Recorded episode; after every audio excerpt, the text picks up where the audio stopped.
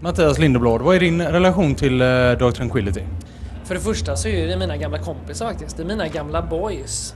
Vi hängde ju alltså ute i Billdal då, där vi kommer ifrån. Där Haunted-killarna då, At the Gates, kommer ifrån. Och Peter in Flames, Anders Fredén in Flames och vet det, Anders Ivers från Tiamat också. Vi var ju alla i samma gäng. Oskar, Hammerfall-Oskar, han kommer från Mölndal då, men han hängde också alltid med oss liksom. Mm. Så det är samma gamla lilla jävla klick av polare.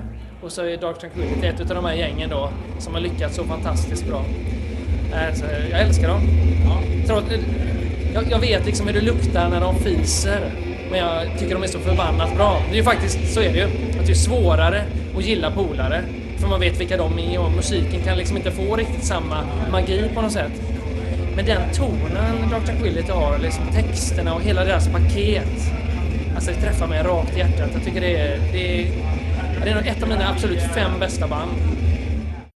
Det är en tanke som föddes eh, förra året. Jag och Melker då, min vapendragare, vi träffades ju faktiskt på, tro det eller något så frigjort som en teaterlinje. Det var liksom där vi började snacka om Kiss, eller på fan varandra där. Va?